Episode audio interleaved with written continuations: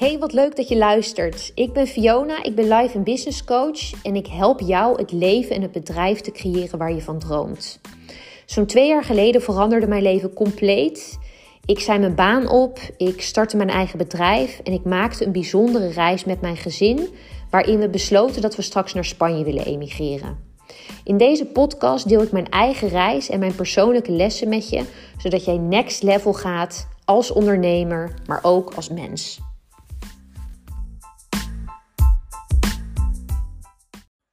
Hoe ga je naar een volgend level in je leven en in je onderneming? Dat is een vraag die ik vaak krijg tijdens coaching. Er wordt dan gezegd: Ik voel dat ik een stap wil maken. Het is tijd om naar het volgende niveau te gaan, maar ik weet niet goed hoe. En tuurlijk is de hoe-vraag belangrijk, welke praktische stappen je gaat zetten. Maar dat is een onderdeel daarvan. Waar je altijd mee moet beginnen, is de vraag aan jezelf stellen: wat houdt mij op dit moment tegen om naar het volgende level te gaan. Want zolang jij jezelf tegenhoudt, zolang er nog een rem op zit, dan kan je heel veel stappen gaan zetten, maar dan hou je jezelf op onbewust niveau nog tegen. Je kent vast wel de uitspraak: wat je hier bracht, gaat je niet daar brengen. Nou, sterker nog, wat je hier bracht, gaat je tegenhouden om naar het volgende level te gaan. Dus je moet eerst helder hebben wat die rem is voor jou en je moet bereid zijn om er afscheid van te nemen. En de meeste mensen die doen dit niet en die willen verder bouwen op dat wat er al is. Maar als je echt een mooi huis wil bouwen wat stevig staat, dan zal je vaak eerst moeten slopen, een nieuwe fundering moeten bouwen. In plaats van dat je muren probeert te verven terwijl het behang naar beneden komt zetten. Dus ik neem je even mee naar een coachgesprek wat ik laatst had met een klant. Was een van onze eerste gesprekken. Dus wij zitten aan tafel, kopje thee erbij. En ik stel haar vragen zoals ik, haar altijd, zoals ik altijd vragen stel. Over haar dromen en haar doelen. En wat zij vindt dat er goed gaat in haar onderneming. Wat er minder goed gaat. En zij heeft het over uh, bepaalde taken die uh, niet goed gaan volgens haar. Zoals haar financiën bijvoorbeeld. En op een gegeven moment zegt ze tegen mij: Ja, ik ben ook niet echt een ondernemer. En ze zegt het een beetje tussen neus en lippen door, maar het is iets wat mij gelijk opvalt, wat mij gelijk triggert. En zij is al tien jaar ondernemer, hè? Maar zij vertelt zichzelf dus het verhaal: ik ben geen ondernemer. En wat voor effect heeft het als jij vertelt dat je iets niet bent of iets niet kan? Je gaat je er naar gedragen. Met zo'n statement zet je jezelf eigenlijk vast. Het is nou eenmaal zo. En dan maak je ook de keuzes, ook niet de keuzes die een ondernemer zou maken, omdat het geen onderdeel is van je identiteit. Dus wat ik toen met haar deed, is ik liet haar op een stoel zitten waarbij zij de ondernemer was die ze wilde zijn. Dus ik zei: We zijn vijf jaar verder. Je hebt dat geweldige bedrijf. Je hebt die omzet van 10k per maand. Dat fijne leven met je gezin. Ik benoemde even alles wat ze mij net verteld had. Hoe is het nu met je?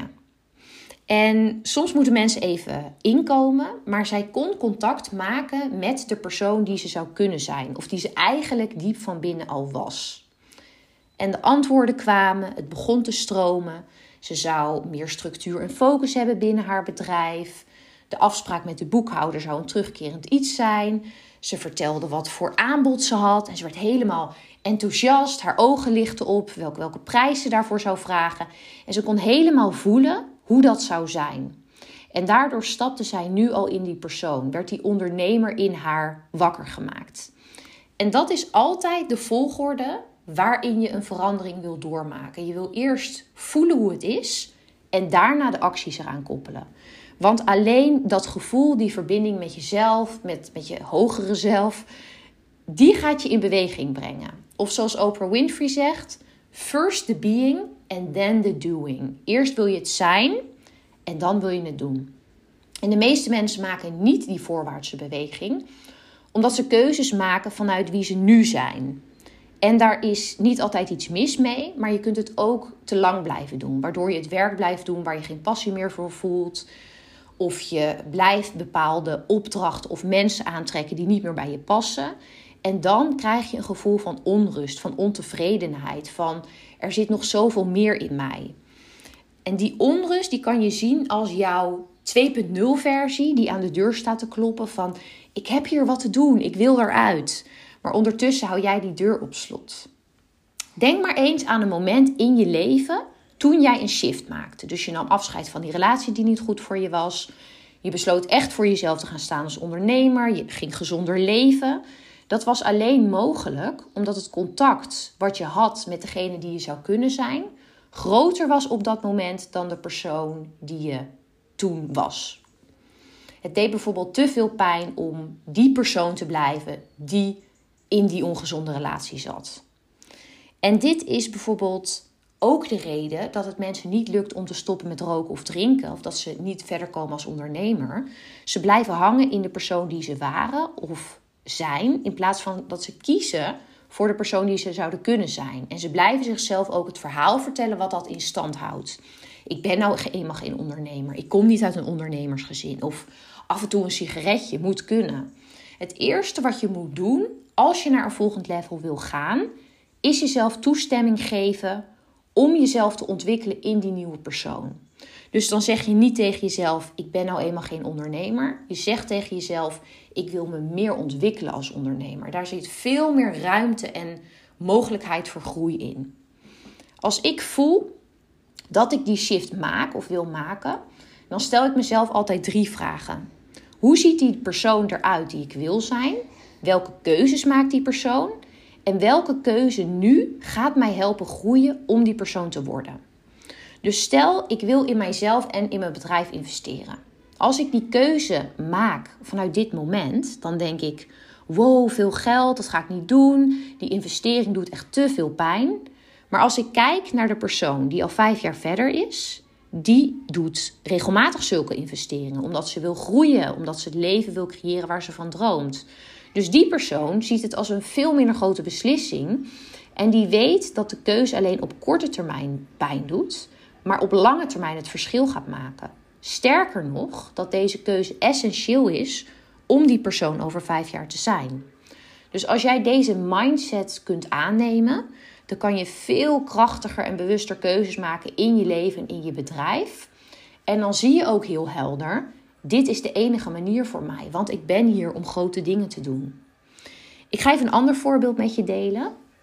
Stel, hè, jij bent fotograaf en jouw kracht is dat jij meedenkt met je klanten. Dus je bespreekt welke locatie de ander zou willen, je overlegt uitgebreid. En dat jij dit doet, dat je zo meegaand bent, dat brengt je tot dit punt. Het heeft je klanten opgeleverd. Het heeft je bedrijf tot hier gebracht. Maar als jij een volgende stap wil maken, waarbij je hogere prijzen vraagt en misschien wel met een ander type klant werkt, dan vraagt het iets anders van jou. En dan gaat die meegaandheid van jou je in de weg staan. Nu is die meegaandheid in eerste instantie niet het probleem. Het probleem is dat je daar een waarheid voor jezelf aan gekoppeld hebt. Waarbij je bijvoorbeeld zegt tegen jezelf: Als ik niet altijd klaar sta voor mijn klanten, dan verlies ik ze. Dus dat is opnieuw een verhaal waarmee je jezelf vastzet. Als je dit wil doorbreken, dan zijn drie dingen belangrijk. Het eerste is dat je moet zien welke waarheid je hebt gecreëerd en hoe die waarheid je op dit moment tegenhoudt. En dat kan je letterlijk doen door, je, door dat tegen jezelf te zeggen of dat op te schrijven in de vorm van een afscheidsbrief. En even voor de duidelijkheid: het gaat niet om die meegaandheid zelf, want dat is ook een kracht van jou. Maar het gaat wel om die persoon die gelooft dat hoe die meegaandheid er nu uitziet, dat dat de enige manier is. Dus dat is het eerste. Die waarheid die je, die je gecreëerd hebt, dat helder zien. Het tweede is dat je helder moet hebben hoe je nieuwe waarheid eruit ziet. Dus in dit geval nadenken over hoe klaarstaan voor je klanten samen kan gaan met jouw nieuwe ik en tegelijkertijd ook je klanten dient. En de conclusie kan in dat geval zijn dat je je klanten misschien wel beter helpt als de locatie en de datum al vaststaat. En dat zij daar niet over hoeven na te denken. En dat dat misschien nog wel waardevoller is dan eerst uitgebreid overleggen, omdat het meer tijd kost. Het derde wat je wil doen is dat je, je moet bereid zijn om ermee te oefenen. Dus stappen in die rol, in die nieuwe rol, dat vraagt tijd, dat vraagt aandacht, dat vraagt doorzettingsvermogen. Die shift is namelijk het meest pijnlijk. En daarom durven de meeste mensen hem ook niet te maken. Dat is bijvoorbeeld het moment dat je je nieuwe prijs noemt, dat je over je nieuwe aanbod deelt, dat je grenzen voor jezelf gaat stellen. En dat is pijnlijk omdat je omgeving je ook gaat tegenwerken. Omdat zij denken, hè, ik kom toch altijd uitgebreid hier met jou over bellen. Of hè, je prijs was toch niet zo hoog. Je gaat weerstand krijgen. Je gaat het gevoel krijgen dat je teruggetrokken wordt. De vraag aan jou is: kan je dat verdragen? Kan je daar doorheen gaan, zodat je het uiteindelijk kunt gaan dragen? Dus de check voor jou: wat heeft je hier gebracht? maar gaat je tegenhouden om naar het volgende level te gaan? En ben je bereid om met deze drie dingen aan de slag te gaan? Ja, naar een nieuw level gaan.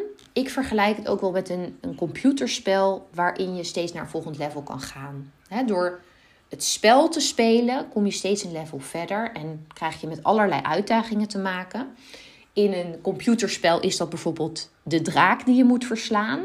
En in het leven is dat bijvoorbeeld loskomen van je ouders. En ieder spel ziet er weer anders uit, net als dat ieder leven er anders uitziet.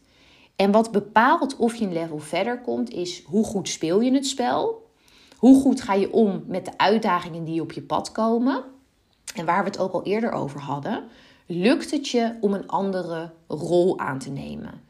Je kent toch ook wel dat Mario-spel waarin je dan een groter poppetje wordt of een helm krijgt. In ieder geval, er vindt een upgrade plaats. En datzelfde is in het leven dat jij een verandering in je bewustzijn doormaakt, waardoor jij eigenlijk een ander persoon wordt.